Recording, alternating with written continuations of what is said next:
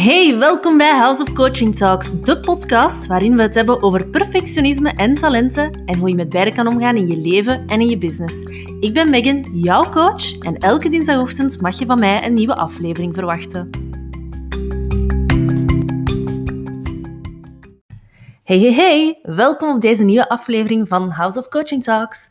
Vandaag gaan we het hebben over iets waar veel mensen mee te maken hebben, maar tegelijk vaak ook niet doorhebben. En dat is een beetje genaamd het imposter syndroom. Ik ga je uitleggen wat het is, hoe je het herkent en hoe je ermee kan omgaan. Um, want ik heb er zelf ook wel vrij veel ervaring mee.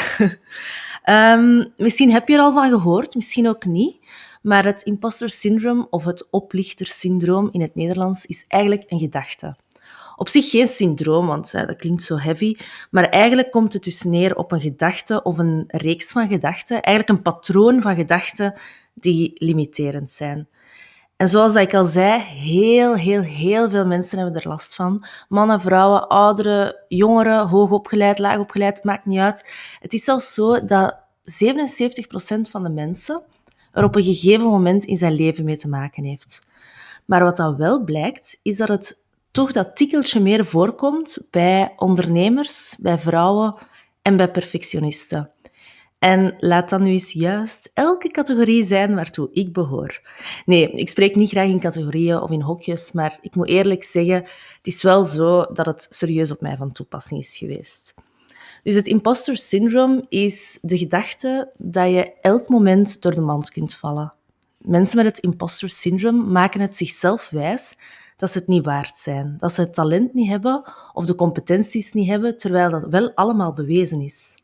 Ze gaan ervan uit dus dat ze hun succes niet verdienen. Ze verdienen, ja, of ze, of ze twijfelen eigenlijk aan zichzelf. En ik heb onlangs een interview gelezen met Oprah. En zelfs zij vertelde daarin dat ze zichzelf niet geschikt voelde voor tv en dat ze last heeft van het imposter syndroom. I mean, maar het is natuurlijk gemakkelijk om dat als buitenstaander te zeggen.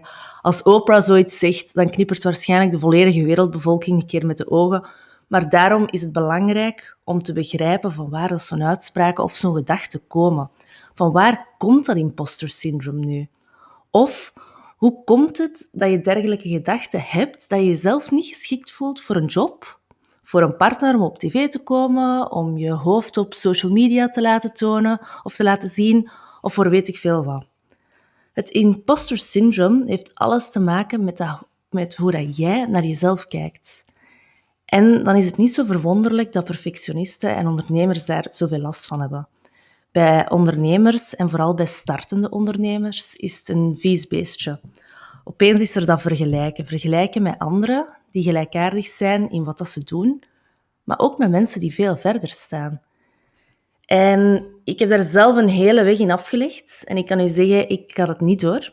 Ik had het pas heel laat door dat dat het imposter syndroom was of ja, dat ik zo'n gedachte had. Dus hoe is het bij mij allemaal begonnen? Of nee, hoe dat ik het door had eigenlijk dat dat, dat het imposter syndroom was. Wel, ik heb daar vooral op carrièrevlak heel veel last van gehad. Ik ben op mijn 24ste mee ingestapt in het familiebedrijf dat mijn vader vijf jaar ervoor had opgericht. Dat is een bedrijf in verbouwingen, in de coördinatie van verbouwingen. Nu, dat was niet zo'n evidente keuze destijds, want je moet weten, ik had ervoor vijf jaar communicatie gestudeerd en in een public relations bureau gewerkt, dus iets helemaal totaal anders. Maar ik had zo'n grote, enorme urge om mijn eigen baas te zijn, dat ik toen toen ik bij dat public relations bureau werkte nog, dat ik ben gaan uitzoeken hoe dat ik dat kon gaan doen. Ik wilde mijn eigen zaak. Ik wilde mijn eigen baas zijn, voor mijn eigen cent werken en vooral zelf iets uitbouwen. Alleen wist ik op dat moment nog niet hoe in wat. En ongeveer gelijktijdig, toen ik begon te brainstormen over wat ik wilde gaan doen, was mijn vader op zoek naar versterking voor zijn zaak. En ik weet nog dat we toen al grappend tegen elkaar bezig waren over het toeval dat hij net iemand zocht en ik net ging veranderen. Moest het een film geweest zijn, er zou een of andere ondertiteling bij komen van Hello, read between the lines.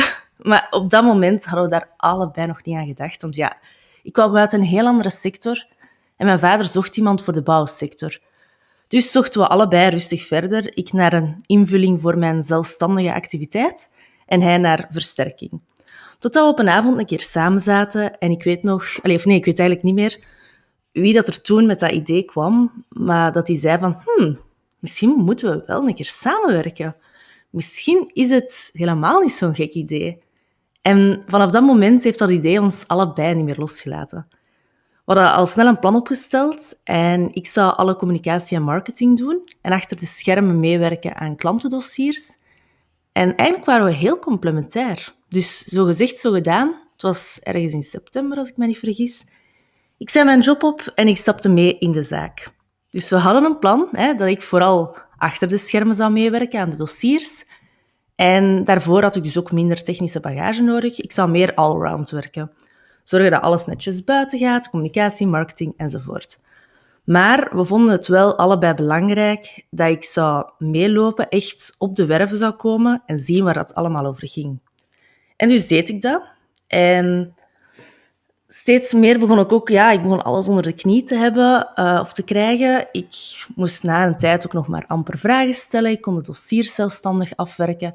En ondertussen zorgde er ook voor dat alles ja, achter de schermen in orde was. En na een tijdje, hoewel dat, dat initieel dus niet de bedoeling was, begon ik ook zelf van A tot Z projecten te doen. Ik had de beste leerschool gehad dat er was. Mijn vader heeft, mij, enorm veel geduld met mij gehad ook. En dus ging ik ervoor.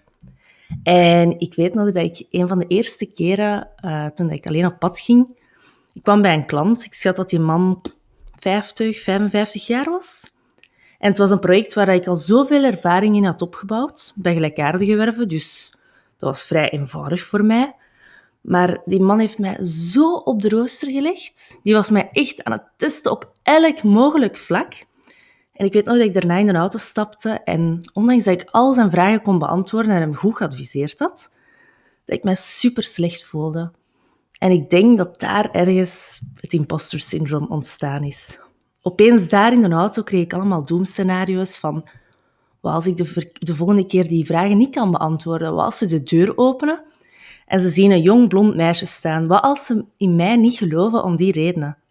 Wat als ze mij op de rooster willen leggen? Net om die redenen. Ik had zo'n schrik gekregen en begon, ondanks mijn ervaring en de zekerheid dat ik echt wel wist waar ik over sprak, keihard aan mezelf te twijfelen. Ik had schrik gekregen om door de man te vallen, om op een dag een keer niet te kunnen antwoorden. En ook wat als ze zouden vragen naar mijn opleiding. Want ja, als je jong bent, dan kijken de mensen naar je opleiding, niet naar je ervaring. Ondanks dat ik de beste opleiding had gehad. En het was zelfs zo dat ik mij anders kleedde als ik naar werven ging. Dus ik stak stelselmatig mijn haar op. Ik liet nooit mijn haar hangen, ondanks dat ik eigenlijk altijd mijn haar losdraag. Ik deed minder make-up op. Ik vermannelijkte mijzelf. En ik, ja, ik vind het eigenlijk vrij, vrij gênant om dat hier allemaal te zeggen, maar ja, het was wel zo. En de keren daarna bleef elke keer die angst en moest ik mijzelf echt oppompen voordat ik bij een klant binnenging. binnenging. Eigenlijk zo'n stomme angst van, ja, wat als? Een wat als angst, geen gegronde angst, want ik had echt geen enkele reden om mij zo te voelen. Ik had zo schrik gekregen om door de man te vallen, een echte impostergedachte, dat ik na een tijdje besliste om een opleiding te gaan volgen, iets dat ik op mijn cv kon zetten, iets om achter de hand te hebben, mocht ik toch afgerekend worden omdat ik jong, blond en vrouwelijk was. Dat was mijn idee daarachter. En dus schreef ik mij in voor een vierjarige opleiding tot interieurontwerper, een bachelor aan de hogeschool die speciaal gericht was op werkende mensen. Dus we zagen wat dat de, de gewone scholieren in drie jaar zagen, zagen wij op vier jaar en dat was elke maandag van 1 uur s middags tot half elf s avonds. En ik had er heel veel voor over. In die opleiding kregen we ook veel bouwtechnische vakken en practica. En het was vooral dat dat mij interesseerde. En ik kan achteraf zeggen, ik heb die opleiding met glans afgerond, maar dat dat heel veel van mij heeft geëist. Enorm veel. Ik werkte non-stop. Ik had samen met mijn vader een eigen zaak. Ik moest naar de les.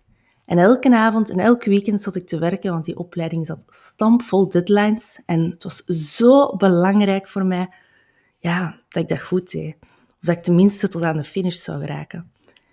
Nu, tijdens die vier jaar dat ik die opleiding volgde, liepen de werven natuurlijk door. En ik merkte wel dat mijn zelfvertrouwen een klein beetje groeide. Maar zolang dat ik in mijn ogen dat gouden papiertje niet in handen had, was ik niet overtuigd van mijn eigen kunnen. Nee, dat zeg ik verkeerd. Ik zelf wist dat ik het kon. Ik wist dat ik het kon, maar ik had schrik voor de reactie van anderen. Dat is nog het ergste van al. En voilà, ja oké, fast forward. Ik had dus mijn diploma dan na vier jaar op zak. Ik had opeens veel meer zelfvertrouwen. Mijn zelfvertrouwen en mijn eigenwaarde gingen dus af van een stom blaadje papier. En ik kan u zeggen, pas op dat moment, nadat ik mijn diploma in handen had, had ik ook door dat ik mijn serieus imposter syndroom zat. Ik wist verdomme heel goed dat ik het kon en toch durfde ik mezelf niet aan de buitenwereld tonen zonder dat stom, stom blaadje papier.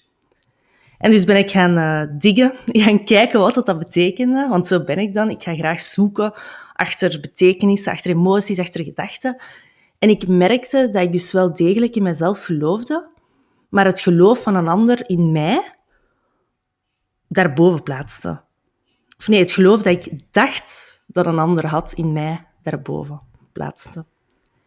En fun fact, nooit of nooit of nooit heeft iemand mijn kennis of mijn kunde in vraag gesteld in al die jaren. Ik vond het super waardevol om dat te beseffen. En een tijd geleden had ik ehm, ook de beslissing genomen, dus zoveel tijd later, na lang zoeken en kouwen, dat ik een nieuwe zaak ging oprichten, House of Coaching. Eindelijk een lang gekoesterde droom waarmaken. De, redenen, of de reden waarom dat ik wilde gaan ondernemen in the first place. Maar ja, toen had ik niet door in welke branche, nu wel en nu meer dan ooit. Wel, ik was op zoek naar een goede opleiding, een hands-on opleiding. Geen zever op papier, maar iets waar ik echt de, de handen uit de mouwen kon steken. En deze keer was het niet om mijn imposter syndroom te voeden. Nee, nu was het om die kennis te hebben om mensen te kunnen verder helpen. Om echt te leren coachen. En ik merkte wel tijdens mijn opleiding dat, dat ik weer al in die gedachten verviel. Van, ja, uiteindelijk...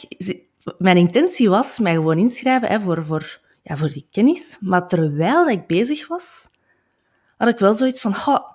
pas als het op papier staat, ja, dan kan het in de ogen van een ander. En in het begin van de opleiding verlamde mij dat. Ik klapte toe als ik supervisie had. Dus als er een docent kwam meekijken hoe ik het deed, ik klapte toe.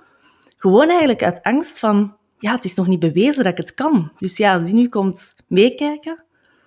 En ja, omdat ik nu die ervaring had van voordien en gezien had wat het imposter syndroom mij had, of met mij had gedaan, heb ik hier vrij snel in kunnen schakelen. Ik heb het ingezien dat het een imposter-gedachte was. En ik heb me daar vrij snel kunnen van losmaken. En dat heeft mij enorm geholpen in mijn progress. En omdat ik het zo frappant vond dat het nog eens was teruggekomen, ben ik ook tot het besef gekomen dat het imposter syndrome iets is waar dat blijvend aan gewerkt moet worden. En niet iets wat je pif poef paf, waar je er snel van afgeraakt. Dus heb ik mij neergezet ik heb al mijn levensgebieden op verschillende papieren geschreven. Mijn job, mijn relatie, familie, vrienden, hobby's enzovoort. En dan ben ik voor elk levensgebied de limiterende gedachte, dus de impostergedachte, gaan noteren. En de gedachten die mij tegenhielden om ergens voor te gaan, om mezelf te zijn, om gewoon te doen, dat deed ik dan, dus dat noteerde ik in de linkerkolom. Voor mijn opleiding tot coach was dat bijvoorbeeld ehm, wat gaan de mensen in mijn omgeving niet denken? En dat is trouwens algemeen een van de meest voorkomende impostergedachten. En in de rechterkolom schreef ik dan de stimulerende gedachte die hier lijnrecht tegenover stond. Dus het antwoord op die impostergedachte. Eigenlijk wat dat je tegen je beste vriend of je beste vriendin zou zeggen als die met zoiets afkomt. En het antwoord op wat gaan de mensen in mijn omgeving niet denken was dan fuck wat dat die mensen denken. Echt, ze staan niet in mijn schoenen. Die hebben mijn dromen en mijn doelen niet. En als ik me moet bezighouden met wat dat iedereen zou kunnen denken, ja, dan kan ik nooit doen wat ik wil doen. En zo deed ik dat voor mijn relatie, voor mijn hobby's enzovoort. En als ik vandaag nog eens twijfel of het gevoel heb dat ik door de mand ga vallen, doe ik exact diezelfde oefening. En het is zo belangrijk om je bewust te zijn van die gedachten. Als zo'n gedachte je te binnen springt, is het belangrijk om het te herkennen als een limiterende gedachte en er ook een stimulerende gedachte tegenover te kunnen zetten. En ik zou ik niet zijn als ik al geen documentje klaarstaan had. Dus een handige pdf dat je kan afprinten, invullen en boven je bed hangen als het nodig is. En je kan die vinden via de link in bio van mijn Instagram, houseofcoaching.be of op mijn website www.houseofcoaching.be slash klik-hier. Zo, ik ben heel benieuwd wat het met jou doet. Laat het mij absoluut weten. Stuur mij een berichtje via Instagram of deel deze podcast in je stories. Maak er een printscreen van, whatsoever. Heel veel succes. Dank je wel dat je er vandaag bij was. En heel, heel graag tot de volgende.